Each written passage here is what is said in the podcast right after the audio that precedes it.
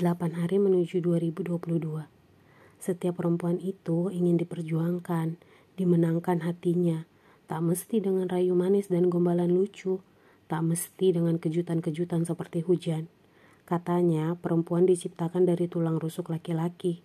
Kalau begitu, sudah mestinya perempuan bukan hanya dilindungi kedua lengan, tetapi juga menjadi pelindung, menjadi penjaga jantung, penjaga hati. Menjaga hati itu pekerjaan yang sulit sekali. Batu pun kalah dengan air yang menetes setiap hari. Cinta secukupnya, biarkan dia berjuang. Carilah laki-laki yang lebih mencintaimu, maka dia akan berjuang. Kamu tinggal perlu mencintainya secukupnya.